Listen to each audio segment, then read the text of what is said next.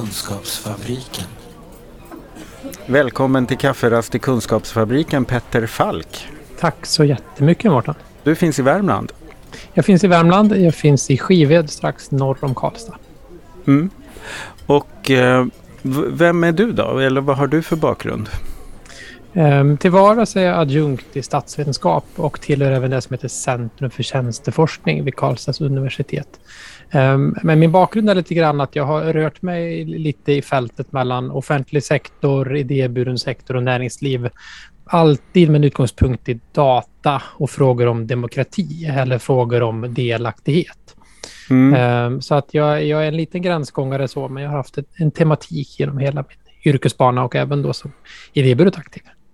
Just det. Men när jag träffade dig första gången och vi började prata lite om vad du höll på med så tyckte jag att, ja just det, vi träffar ju väldigt i vår bransch väldigt mycket vårdfolk och omsorgsfolk och socialpolitik och vi pratar brukarinflytande och så finns det ju alltid den där dimensionen av att det här är ju också en demokratiprocess på något sätt med delaktighet. Och eh, när du då dök upp som statsvetare så kände jag plötsligt att ja, här kan vi få utveckla det där samtalet om delaktighet som demokrativerktyg. Liksom. Ja, nej men precis. Och det, jag har ju tur att jag ligger liksom lite rätt i tiden med att det är fler än jag som vill prata om det här. Att nu har vi haft tio år av en slags digitaliseringsdiskurs. Det som handlar väldigt mycket om innovation och det har handlat om det unicorns och det har varit lite så här vilda västern. Man fick göra vad man ville med mm. datan så länge som man på något sätt var en innovativ startup. Men nu har ju offentlig sektor, vård och omsorg och de som jobbar liksom nära brukarna i vardagen ja, fått någonting att säga till om och förstått att den här kommersiella logiken kanske liksom inte är för dem. Så det är väldigt kul att ha det här samtalet, för man kan ha det både i akademin, i offentlig sektor, i idéburen sektor och sen emellan de här sektorerna. Ja, just det. Men jag tänkte också att eh, inte bara vård och omsorg har kanske börjat känna det och tänka att det här med digitalisering och sånt måste ha ett särskilt perspektiv för oss. För jag tänker också att i den där digitaliseringen så är det ju väldigt få som har tänkt på brukarna annat som, än som någon slags kanonmat för leverans av datauppgifter. Ja, det, slags, digitaliseringen ja. har ju liksom inte nödvändigtvis skapat delaktighet utan den har ju skapat ja, någonting annat. Liksom kontroll kanske till och med. Ja, nej, men precis. Ett perspektiv på, på användaren som någon slags råvaruuttag. Att vi, ja, vi, vi, vi mm. går till brukarna och tar deras användardata för att sen göra reklam av mm. den eller på något sätt använda den och omsätta den i kommersiell logik. Men just det här att prata om data som någonting som tillhör medborgaren eller representerar medborgaren eller i viss mån kanske är medborgaren, då kommer vi in på ja, men både liksom filosofiska diskussioner, men också diskussioner liksom om det här. Vad är, vad är brukarinvolvering egentligen i en digitaliserad tid? Är det att bjuda in en gång i halvåret eller är det att faktiskt systematisera det på olika sätt? Och vad innebär då systematiseringen? Vilka logiker ska vara härskande där? Ja, och jag tänker också det här, det här du pratar om att man är råvaran i ett datadrivet system.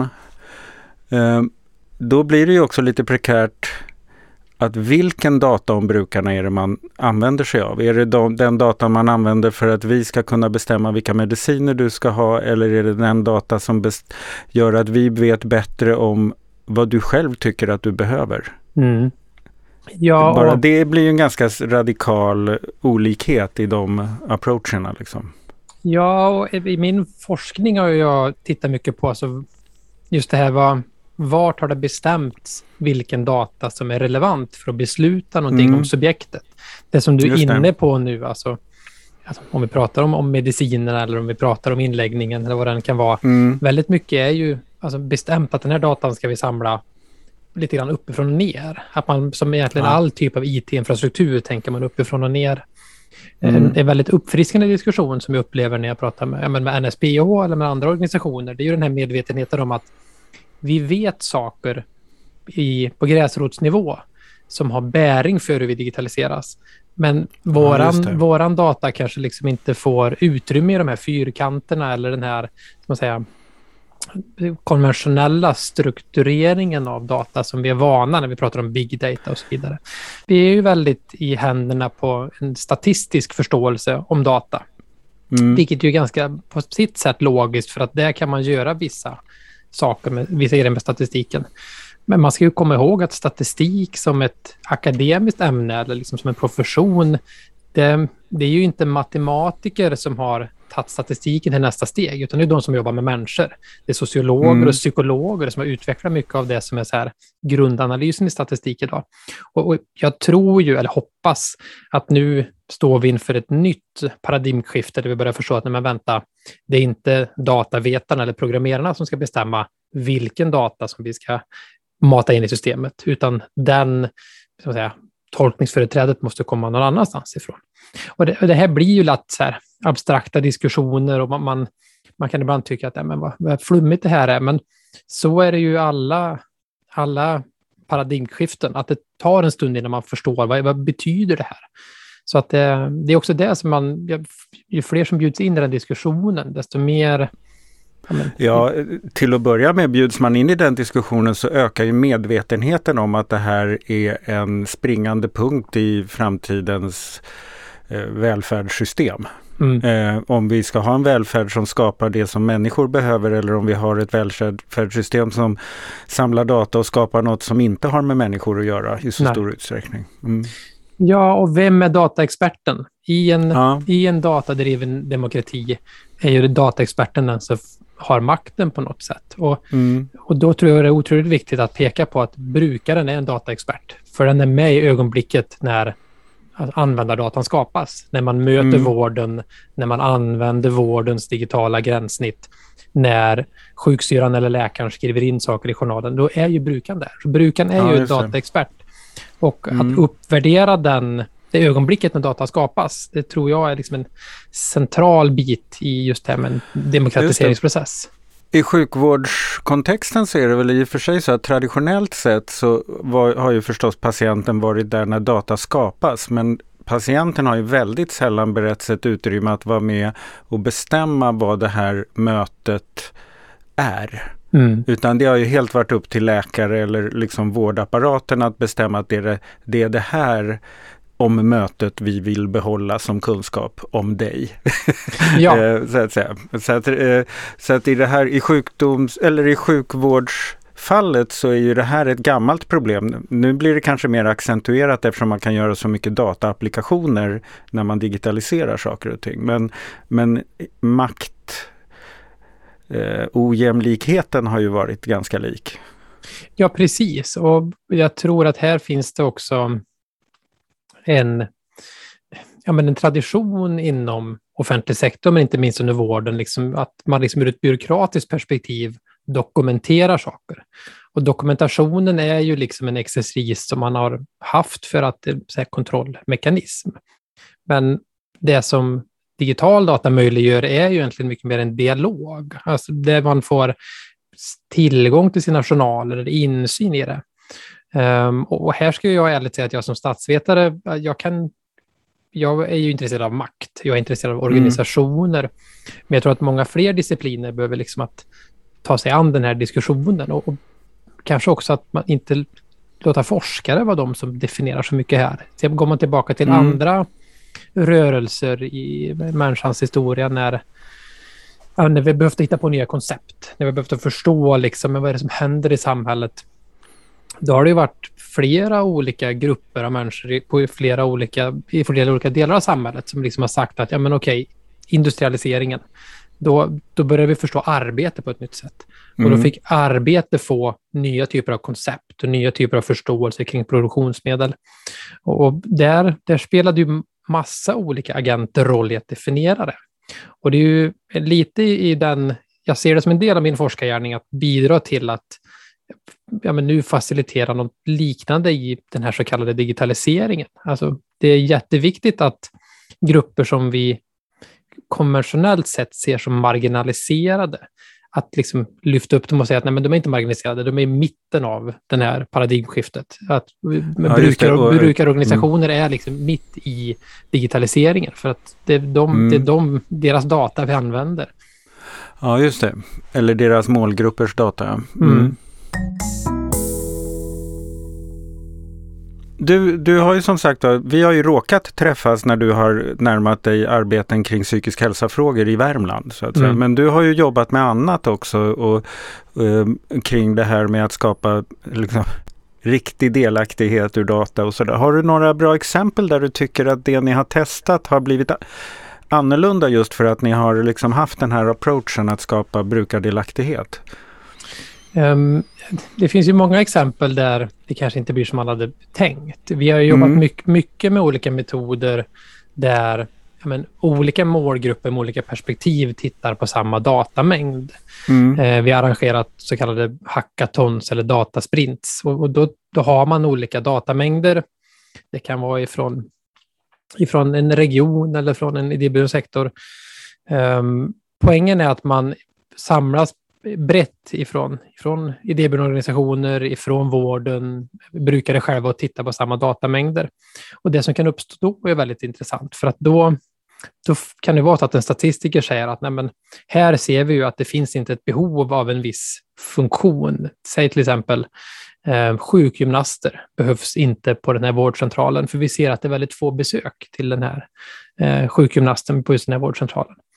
Men om man då pratar med den lokala kulturföreningen som jobbar ute mot minoritetsgrupper kan de säga att Nej, men, kommer du från Iran eller från Afghanistan och har ont i ryggen och går till doktorn men du får träffa någonting som heter sjukgymnast, ja, men då går du inte på det mötet, du går hem istället. Då uppstår inte statistiken. Och då kan det verka som att den här sjukgymnasten, den behövs inte. man har inte ont i ryggen i det här bostadsområdet i Karlstad. Men men i själva verket finns det jättestora problem kopplat till det. Och mm. Det är just de här ögonblicken som uppstår liksom när man ja, men, låter flera olika perspektiv titta på data. Och framför allt tycker jag också det här, vilken data som inte finns, eller vilken data som nedvärderas. För det tror jag är liksom mm. nästa stora sak, som, som, eller ja, det jag vet att det är det jag vill jobba med. Sen är bara frågan om man kan få tillräckligt många finansiärer med sig på, på samma. Du kan fråga. i alla fall få säkert ganska många påhejare från oss Ja, men det, det är en jättebra början. Men har du några sådana exempel på data som, som uppenbart verkar saknas, som du ser liksom verkar vara något som vi i det här samhället har svårt att, att samla in eller värdera? Då får man ju hamna i en diskussion om hur man definierar data, men om vi tittar på just mm. den här strukturerade, systematiserade datan som vi kallar kunskapsunderlag, oavsett om det är mm. statistik mm. eller annat, så är ju väldigt mycket av den här kunskapen som finns ute i idéburen sektor, den finns ju ingen annanstans än i huvudet på de som faktiskt jobbar på Brottsofferjouren eller på Röda Korset Nej, eller på Svenska kyrkan. Thick data kan man kalla det. Det är data som sitter i, i ryggraden. Det är data från... Tjockdata alltså? Precis, alltså mm. big data som vi gärna pratar om. Det är ju när man har kvantitet, det är skala. Mm. Men det är inte så mycket djup i de här datapunkterna. Och det, det är någonting vi jobbar mycket med just nu i Värmland, att titta på det här. Hur kan vi kombinera de här narrativen runt data med big data. Jag gillar inte begreppet big data, för data är liksom inte stor på det sättet. Det är bara att man har mycket av det. Många, det, ja. Många repetitioner. Ja, just det. Ja. Nej, eh, för att det där tänker jag när man gör undersökningar, just den här att man kombinerar en enkät med djupintervjuer. Det är väl lite samma tanke att behöva dels balansera någon slags scan, hur man skannar av ett område, men sen också i intervjuerna försöka förstå mekaniken bakom de olika lite plattare svaren. Sådär. Ja, och va varför man har svarat som man har gjort i en mm. enkät. Det är också en sån här sak att vi man, man vet ju att alltså, oavsett om det är en enkät eller en, en, ska säga, en databas som bygger på att du skrivit in någonting i en journal, så bygger det på en praktik. Det bygger liksom på en interaktion mellan någon som har knappat in det på ett tangentbord eller liksom registrerat det i en maskin. Men om jag bara tittar på vården som jag har jobbat en del med så har man ju reflekterat väldigt lite kring den här praktiken att föra in saker i ett system. Man har bra koll på mm. vilka koder som gäller. Alltså hur sätter vi liksom sjukdomskoder, men inte hur olika yrkesgrupper eller för den delen olika avdelningar för in sin data. Det finns en forskare från Nederländerna som heter Ann-Marie Mohl som har tittat specifikt på det här, eh, som i forskning som nu nästan är 20 år gammal kunde visa på att ja, men, hur vi ställer diagnoser kring eh, anemi, alltså blodbrist, kan vara helt olika beroende på vilken datamängd man tittar på först eller vart en patient först kommer in i en kedja. Aha. Även om koderna är väldigt, som man sen sätter, är noga utarbetade så kan arbetet till att välja just den koden ha gått väldigt olika till. Ja, precis. Och, mm. och här ska man ju också vara varse om, och särskilt när man kommer in på frågor om människors psykiska hälsa, att vårt kodsystem bygger på alltså, den, den, har ju många arv ifrån de här koderna ifrån att du har brutit ett ben. Och, och där finns det en utmaning i att faktiskt att vården både ska laga och så säga, koda mm. det brutna benet och mycket svårare problematiker kopplat till det psykiska mm. måendet. Man märker det ju i våra målgrupper skulle jag vilja säga att det är ju framförallt de som har lite mer komplexa behov, de har ju också en katalog av diagnoser som liksom har satts vid olika tillfällen av olika läkare och skrivits bort eller till slut så har man liksom en, en hel Beckers färgkarta med allt som man har bedömts ha. Ja. Eh, och det blir ju liksom, ett, det är ju lika mycket ett uttryck för att man kanske inte skulle ha stirrat sig så mycket blind på att hitta en diagnos utan fundera på vad är det vi kan göra för att du ska må bättre. Ja, Nej, och, och, precis som du var inne på, att liksom det första man lär sig på vilken grundkurs i ett ämne på en humanistisk fakultet som helst, det är att det är bra att både göra enkäter och djupintervjuer, att man får lite perspektiv. Mm. Men det har, har vi liksom glömt bort ganska mycket nu i den här digitaliseringen av offentlig sektor. Alltså, där är det väldigt mycket handlar om att vi vill pumpa ut datadrivna system. Eh, mm. Och det här är ju många som har tittat på liksom att det är digitaliseringen, det nya New Public Management och vad mer för det. Men det gör ju mm. också att den här förståelsen, man kanske inte alltid har tid och utrymme att reflektera kring ja, men vad, vad är den här komplexa tillvaron som många befinner sig i. Mm. Uh, jag var inne och med ett, ett forskarlag som är med AI-utvecklare som har utvecklat ett AI för, um, som ska hjälpa um, patienter och brukare göra rätt val kopplat till olika typer av insatser. Och, och där hade programmerarna eftersom de inte kunde värdera vilken diagnoskod kopplat till psykisk hälsa som var säga, allvarlig eller mindre allvarlig, så hade man i koden skrivit in att ja, men ju fler diagnoser du har, desto sjukare är du. Men det kunde, då mm. innebära, det kunde då innebära mm. att en person som hade en, en lätt depression um, och, och ja. Sömnproblem och, ja, men precis. En, ja, och just ja. det. var, var sjukare var, än någon som hade en schizofreni.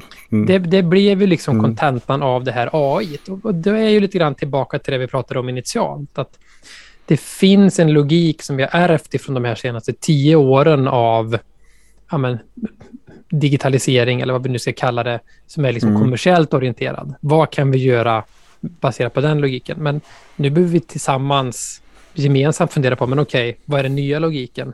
Och ur mm. ett demokratiskt perspektiv, hur gör vi de här sakerna bäst? Jag är ju övertygad om att ett AI kan spela stor roll för att ja, men, hjälpa personer att hitta rätt insatser. Men då måste de personerna som är brukarna och kan någonting om vardagen vara med och bygga AI, eller i alla fall påverka dess logiker.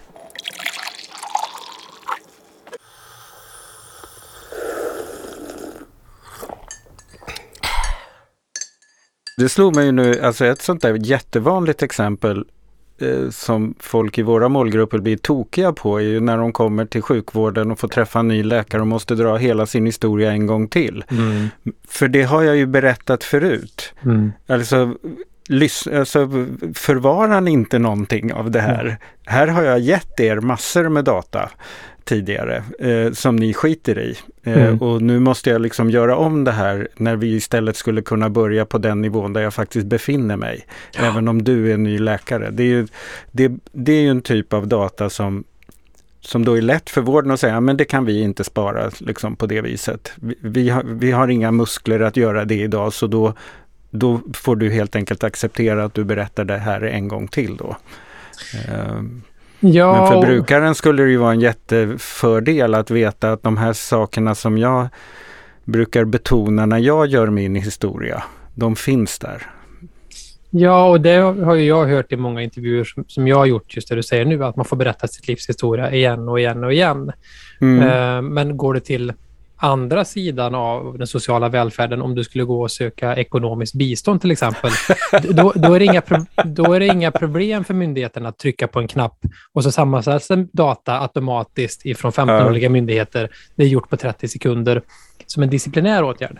Så där det. var det liksom mm. inte några problem att lösa det. Där hade du liksom den kollen. Så jag, här handlar det också väldigt mycket om prioriteringar och framförallt det här med är digitalisering alltid effektivisering eller ska digitalisering vara någonting annat? För mm. idag är det ju också så inom offentlig sektor att digitalisering är synonymt med att effektivisera. Vi ska handlägga mindre, vi ska liksom automatisera mm. processer. Eh, och jag som jobbar mycket med socialtjänst ser ju att man digitaliserar gärna för att få människor i arbete och få, liksom få mm. ut dem ifrån insatser. Men inte lika mycket på liksom den sociala sidan. Um, och om det är brist på fantasi precis. eller om det är andra saker, det kan jag tyvärr inte uttala och mig om. Liksom, men... Det finns ju också ett väldigt egoistiskt eh, perspektiv på effektivitet för vem. Mm. Alltså, vi gör ett bokningssystem här som kan vara ganska knöligt att hantera om man är, eh, har ett skov i sin mentala ohälsa just nu. Då är det inte så effektivt för mig, men för dem är det effektivt för att eh, de slipper ha någon som svarar i telefon eller något. Ja. Och... Det, så det finns ju massa sådana sak, aspekter på det som är där det är tveksamt var man värderar effektiviteten. Ja, och just det här att vi kommer ju från en tradition där vi har använt data för att mäta väldigt mycket. Mm. Vi har mätt effektivitet, vi har mätt lönsamhet, vi har mätt någon slags progression. Mm. Men jag tror ju att vi är också vi behöver förstå att när vi går emot en, en period där data är kanske mer någonting som vi gör prediktioner med eller prognoser. Eller data är någonting vi använder för att nyansera kunskap. Mm. Um, att data handlar inte bara om att mäta. För vi mäter ju så jäkla många grejer, många processer helt i onödan. Det är ingen som bryr sig om att vi mäter. Det är viktigt att vi mäter dem.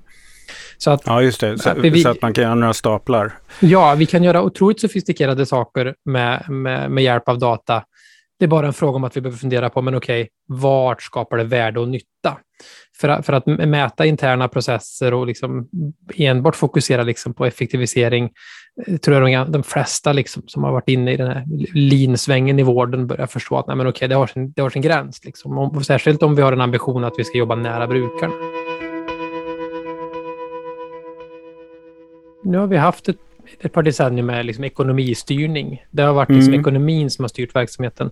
Nu börjar man ju prata om kunskapsstyrning och jag är lite rent liksom... Jag tror att det är bra samtidigt som jag inte vet riktigt vad man lägger i begreppet kunskap. Vems, vems kunskap är det? Liksom det är en ontologisk fråga. Det blir väldigt lätt att det är kunskap som kommer uppifrån. Ja. Och, och, som vi ska trycka ner i organisationen. Liksom. Ja, precis. Så att jag, jag tycker att demokratibegreppet, och det är väl klart att jag som statsvetare kommer säga det, men jag tycker att demokratibegreppet är så himla viktigt för det är svårt att argumentera emot. Alltså mm. det är klart att demokratin har sina brister och sina, sina utmaningar, men, men om vi tror på någon slags grundprinciper i en demokrati, om vi tror liksom att representation och, och deltagande spelar roll, då måste du också göra det i ett datasammanhang. Och, mm. och då, då rimligtvis, om, om de här demokratiska imperativen är rådande, så borde också liksom det kunna genomsyras i liksom kunskap. Jag har mm. pratat mycket om så här, datastyrning av myndigheter, men, men det låter väldigt så här, som att det är en robot som ska sköta allting. Det är inte det jag ser framför mig. Utan, utan snarare liksom att omfördela makten och tolkningsföreträdet för ja, men, vad, vad är en bra demokrati? Och liksom... det, hur använder man uppgifter och vilka uppgifter använder man för att eh, utvärdera, följa upp och att styra? ja, och liksom vända. Idag är det, det är lätt att man får höra att ja, men nu ska vi digitalisera demokratin mm. istället för att titta på hur kan demokratin bli starkare och mer allomfattande med hjälp av digitala hjälpmedel. För nu är det liksom mm. ett här, det är predestinerat att vi ska digitalisera. Mm. Och sen får, det, sen får liksom demokratin anpassa sig hur den vill.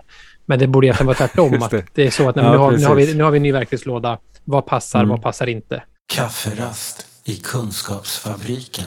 Ni ska ju göra en del väldigt konkreta saker i Värmland. Eh, dels har du pratat om det här som heter, eh, du nämnde det förut också, datasprints. Det är en slags metod kan man säga. Att först gör man det här större arbetet att man samlar in massa olika perspektiv på en frågeställning som man har. Och sen gör man själva sprinten. Och det är själva labbarbetet eller grupparbetet eller vad man ska säga. Ja men precis, det är en metod som vi har lånat ifrån hacker-communityt, om man säger så. Att man, man samlas för att under en ganska liksom intensiv period på några dagar åstadkomma någonting med hjälp av kod eller data. Mm. Men, i, men i det här fallet så, så adderar man ett lager eh, Förutom de här kodaparna som liksom vet hur man skriver kod eller liksom gör, gör grejer med data, så har man också personer som har den här thick data. Alltså människor mm. som har erfarenhet av att möta personer med, med psykisk ohälsa eller personer som har en egen historik av psykisk ohälsa. Um, som också är med och reflekterar kring ja, men, vilken typ av kunskapsunderlag är egentligen relevant? Eller vad mm. innebär det? Alltså, det var som det här exemplet du hade med sjukgymnasten där. Att ja, människor precis. som också vet varför man inte går till sjukgymnasten. Ja, mm. uh, och just att man, det som vi väl hoppas på, för nu gör vi det här som en pilot, är att vi ska kunna systematisera den här metoden så att inte bara att man gör det som en rolig grej, att vi ses, mm. vi tar lite folk från olika håll och kanter och så blir det en, en rolig, ett par roliga dagar, utan att man faktiskt ser till att representanter ifrån förvaltning eller ifrån akademi eller från idéburen sektor som på något sätt är så kallade stakeholders, de, de som borde ta till sig av resultatet, att de är med och hör det här. Och att vi också mm. Sätter region eller kommun eller andra myndigheter lite ansvariga för att realisera de här idéerna. Ja, just det. Det, det är inte här, bara luftslott man bygger utan det här ska vara, kunna konkretiseras och realiseras. Vi hoppas det. Sen mm. ska vi ju liksom, nu låter det liksom stort och ärligt och mm. liksom präktigt, men egentligen handlar det mest om att det jag har sagt hela tiden, att o, vi behöver olika perspektiv på hur vi genererar data, mm. hur vi arbetar med data och hur vi drar slutsatser om data. För idag, mm. idag är dataexperten är liksom en, en väldigt homogen grupp alltså, mm. som, som sitter liksom i sitt elfenbenstorn. Och det här är ett mm. sätt att faktiskt visa att nej, men, om data är en del av medborgaren eller representerar medborgaren, då behöver medborgaren, oavsett om det är en patient eller en elev eller personal. Mm. Ja, också vara med och utforma hur vi förstår det här underlaget. Jag var ju med på ett möte igår som du hade med NSP och Värmland och de kom ju genast med två bra förslag på vad man skulle kunna göra datasprintar kring. Mm, eh, som jag tyckte också var sådär intressanta för att de har så tydligt fokus. Många kan ha tankar kring det. ena handlar om bemötande i psykiatrin och det andra, hand, andra handlar om tillgänglighet i psykiatrin. Mm. Som ju är liksom verkligen nålsögat för, för mötet mellan patienter och vård och anhöriga och vård och sådär. Ja, det började klia i huvudet direkt för mig. Och så här. Jag kan ja, tro men, det. Och, och liksom, för det, ja. det, det, är, det är just det här ögonblicket när en brukare med ett behov möter en, en, mm. en, leverantör av en tjänst, i det här fall vården. Mm. Alltså det är ju där det uppstår, den här datan. Mm. Uh, och, liksom vi, och det är rö, här mötena är röriga. Det är mycket mm. dynamik på gång och det är mycket historik. Och vi fångar dem i en journalanteckning med liksom ett, par, mm. ett par rutor och så. Och det finns så mycket i det ögonblicket som, som jag tror att vi inte förstår, eller vi i alla fall liksom inte tar tillräckligt stor hänsyn till i de här mm. processerna. Så jag tyckte det var alldeles lysande exempel. Mm. Um, och jag, det skulle ju vara, vara synd att inte få utforska dem mer. Ja. Ja, vad roligt. Det där ser man ju fram emot när ni får göra en pilot på något av det där. Ja, det hoppas vi verkligen. Och grotta lite djupare i. Ja. Det andra som ni då eventuellt skulle följa det är ju att NSPO i Värmland också nu kommer starta patientforum på några avdelningar till att börja med på rättspsykiatrin men sen mm. också förmodligen i den reguljära slutenvården i psykiatrin i Värmland. Men då blir er ambition mer att följa hur man tar vara på den data som patienterna delar med sig av? Liksom, kommer den kunna leda till någonting eller? Ja, vi ska väl säga att vi liksom, nu är vi mest otroligt nyfikna liksom på, mm. på det här formatet. Sen, vår erfarenhet som vi har dragit ifrån tidigare processer, det är ju att när man ger sig in i en så utforskad ansats och lite så förutsättningslöst ser på ja, men, vad är det som händer, vilka aktörer som är med, då börjar det liksom uppenbara sig att ja, men okej, här samlar vi data, här samlar vi inte data. Här vet mm. vi saker som inte är så att säga, systematiserade i Excel-ark. Här finns det Excel-ark. Att det, helt mm. plötsligt så börjar det uppenbara sig ett slags landskap, datascape brukar man säga ibland, um, som, som finns där och som kanske liksom skulle kunna omsättas i ny kunskap. Um, mm. Men sen också den där jätteviktiga liksom, ingångsvärdet man måste ha är att allt ska inte digitaliseras. Alltså, det ska, det ska digitaliseras om det är bra för brukaren och kan bli bättre för brukaren. Mm. Um, så att det är också, hade man släppt in mig för sex, sju år sedan när jag var konsult. Då hade jag gått in och tittat på hur, hur, hur, kan, kan, vi digitalisera, hur, hur kan vi digitalisera här? Nu när man liksom har förmånen att få jobba tillsammans med idéburna organisationer och med myndigheter så får man liksom gå in och titta på men hur kan vi göra det bättre för brukarna och, och hur kan mm. vi framförallt liksom få brukarnas perspektiv på vad som faktiskt är värdeskapande. Så ja, just det. Att, eh, det är återigen mm. perspektiv på, på hur vi faktiskt väljer att använda mm. eller inte använda data.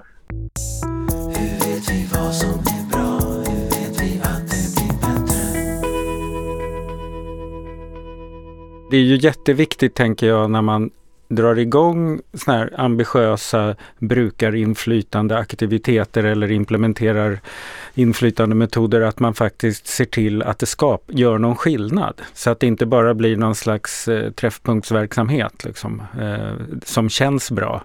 Utan det ska ju faktiskt göra saker och ting bättre både för brukarna och för verksamheten därmed. Ja, precis. Och liksom, jag återkommer till den här liksom käpphästen jag har att man också måste låta men, brukare, brukarorganisationer, det idéburna, ta plats i de här diskussionerna. För det är också mm. så lätt att man som, om man kommer ifrån en idéburen organisation, att man känner, känner att gud, jag, jag är inte alls med den här digitala svängen. Jag vet inte alls vad det är som mm. gäller. Men, men det, då ska man komma ihåg att det är egentligen ett väldigt kommersiellt språk som vi pratar, vi, vi som, mm. som idag slänger oss med de här termerna. Och Det betyder liksom inte att man inte besitter extremt central kunskap för att lyckas med att demokratisera digitaliseringen. Nej, Nej, precis. Um, så att bara för att man inte liksom är fullstack programmerare eller kan koda Python så betyder liksom inte det att man inte har en otroligt central roll i att Nej. implementera nästa tjänst eller utveckla nästa mm. typ av AI eller vad det än må vara. Just det. Ja, det gäller ju att få de här kommande tjänsterna, framtidens lösningar på saker och ting att verkligen känna att de berör människor. Ja, och jag, jag har ju en liten, en liten efterlysning att om det är personer i och kring NSPH som antingen sitter på intressanta datamängder, att man har gjort mm. en serie intervjuer eller att man, man har tillgång liksom till data som inom då GDPRs ramar får användas. Det hade varit jättespännande att få veta. Och så se, kan mm. vi, vad kan man göra med den här? Vad kan vi lära oss med det här? Um, och inte bara då att göra ett roligt diagram, utan faktiskt ha den här utforskande ansatsen och titta mm. på. Men vad, om vi utgår ifrån den här datan, vad kan vi lära oss eller vad kan vi ja, expandera och lära oss ännu mer? Jättespännande. Den, eh, det här uppmanar vi nu alla lyssnare till podden att tänka på. Ni ska få eh, kontaktuppgifter till Petter i artikeln i anslutning till det här poddavsnittet om ni vill höra av, av er med, yes. med, idéer kring det där. Superbra. Jag började genast tänka på grejer som vi har gjort som jag nog ska skicka till dig. Ja, ja vad bra. Eh, jag brukar avsluta med en fråga nu är ju du forskare så det här att försöka lära sig saker är väl liksom din andningsluft, tänker jag. Men är det något, vad är det du går och funderar på nu som du känner att du skulle vilja lära dig mer om just nu? Um, ja, men jag, jag skulle nog vilja lära mig mer om Alltså det, det här som händer i patientforum. Alltså, mm när, när, man tar initiativ att nu ska vi gå in i en verksamhet och liksom möta liksom brukare där. Alltså, vad, inte så mycket liksom ur ett dataperspektiv, utan mer är liksom analysen av, av behov och drivkrafter. Mm. Um, jag, jag, jag, har ju lekt lite grann med tanken att försöka komma bort ifrån att hela tiden tänka data. Att vad, vad är data? Vart saknas data? Och liksom ställa, liksom försöka introducera, ja, men en, inte en datafri miljö, men en miljö där det första man tittar på är liksom värdet och, och sen komplettera det liksom med data. Och just det här vi pratar om nu med NSP och rättspsyk är otroligt spännande för att där, där är det mm. lite så att där kanske man kan ha den, det ingångsvärdet. Mm. Um, sen finns det ju, som, som du säger, det, som forskare vill man ju hela tiden lära sig saker. Men jag har byggt min forskarkarriär på liksom att ställa dumma frågor. Så att jag, mm. jag, jag fortsätter att göra det och så hoppas jag att, att, att folk, oavsett om det är i, i akademin eller offentlig sektor eller idéburen sektor, kommer med, med svar till mig. Vad bra. Då får jag tacka för att du ville vara med i Kafferast i Kunskapsfabriken. Tack så jättemycket Mårten. Den här podden görs av NSPH, Nationell samverkan för psykisk hälsa. Läs mer på vår hemsida www.nsph.se eller följ oss på Facebook. Kafferast i Kunskapsfabriken.